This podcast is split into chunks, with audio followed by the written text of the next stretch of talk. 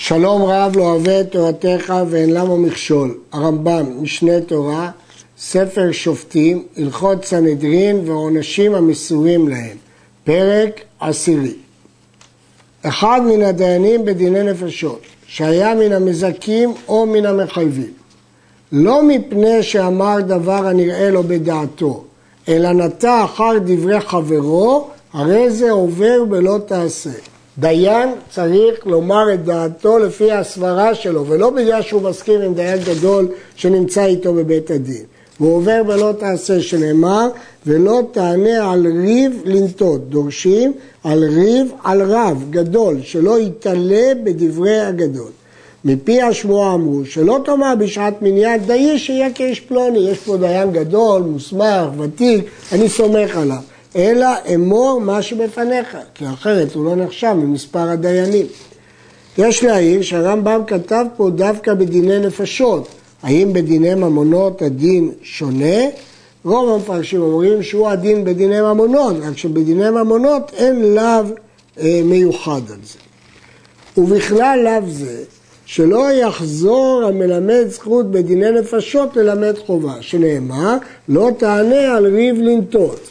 במה דברים אמורים? בשעת משא ומתן. אבל בשעת גמר דין יש למלמד זכות לחזור ולמנות עם המחייבים. בשעה לא תענה על ריב, באר הרמב"ם בספר המצוות, לא יהיה דברך בו להטות אותו לחובה, כיוון שכבר הטית אותו לזכות. אבל כל זה בשעת משא ומתן. בשעת גמר דין, אם הוא שינה דעתו, הוא יכול ללמד חובה. תלמיד שהיה מזכה, הוא מת. רואים אותו כאילו הוא מזכה במקומו. הלכה זו קשה. האם הוא נמנע במניין הדיינים? הרי הוא תלמיד, ועוד שכבר מת. אומרים המפרשים בספר יד פשוטה, וכך משמע בגריז, וכך משמע מהרמב"ם לקמן, שיש שלב של משא ומתן לפני הכרעת הדין, וגם השלב הזה מתנהל לפי מניין הדיינים. ובשלב הזה מתחשבים גם בדעה של התלמיד שמת, מזכירים את הסברה שלו, דנים בסברה שלו. אחר כך, בשעת הכרעה, ודאי שהוא לא נחשב כי הוא מת.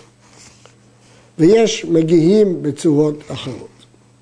אמר אחד, יש לי ללמד זכות, ונשתתק, עומד קודם שילמד זכות ויאמר מאיזה טעם מזכה, הרי זה כמי שאינו, כיוון שהוא לא אמר שום טעם, זה שהוא רק אמר שהוא רוצה לזכות, אין לזה משמעות.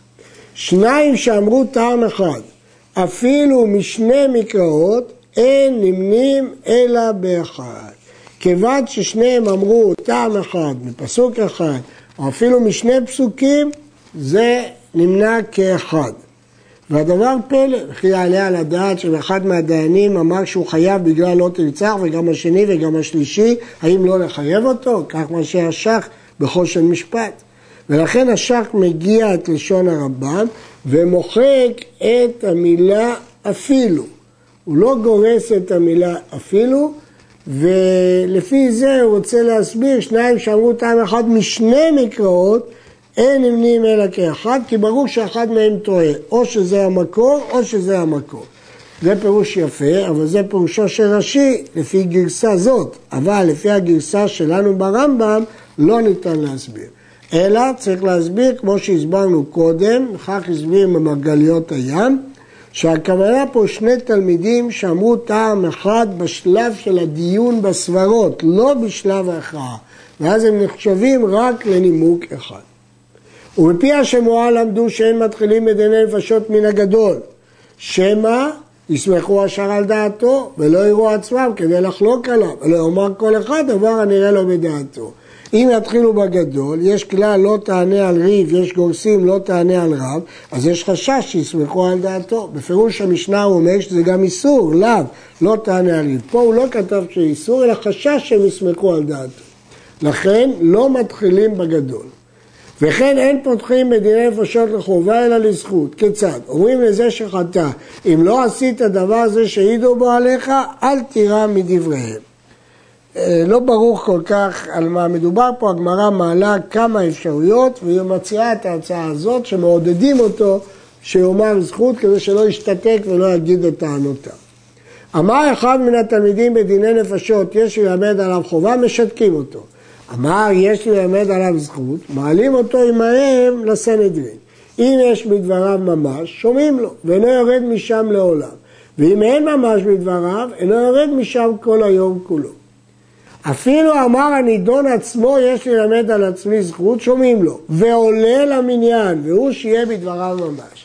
מה שכתוב שומעים לו, ומה שכתוב שיהיה בדבריו ממש, זה מובן. אבל מה פירוש הוא עולה מן המניין? וכי יעלה על הדעת שהנידון יכול להיות דיין? יעלה על הדעת שהנידון יכול להיות דיין? מתוך דברי הרמב"ם בהמשך, משמע שזה רק בשלב המשא ומתן של הסברות, אבל בשלב ההכרעה ודאי שלא נכניס את הנידון במניין סנהדרין.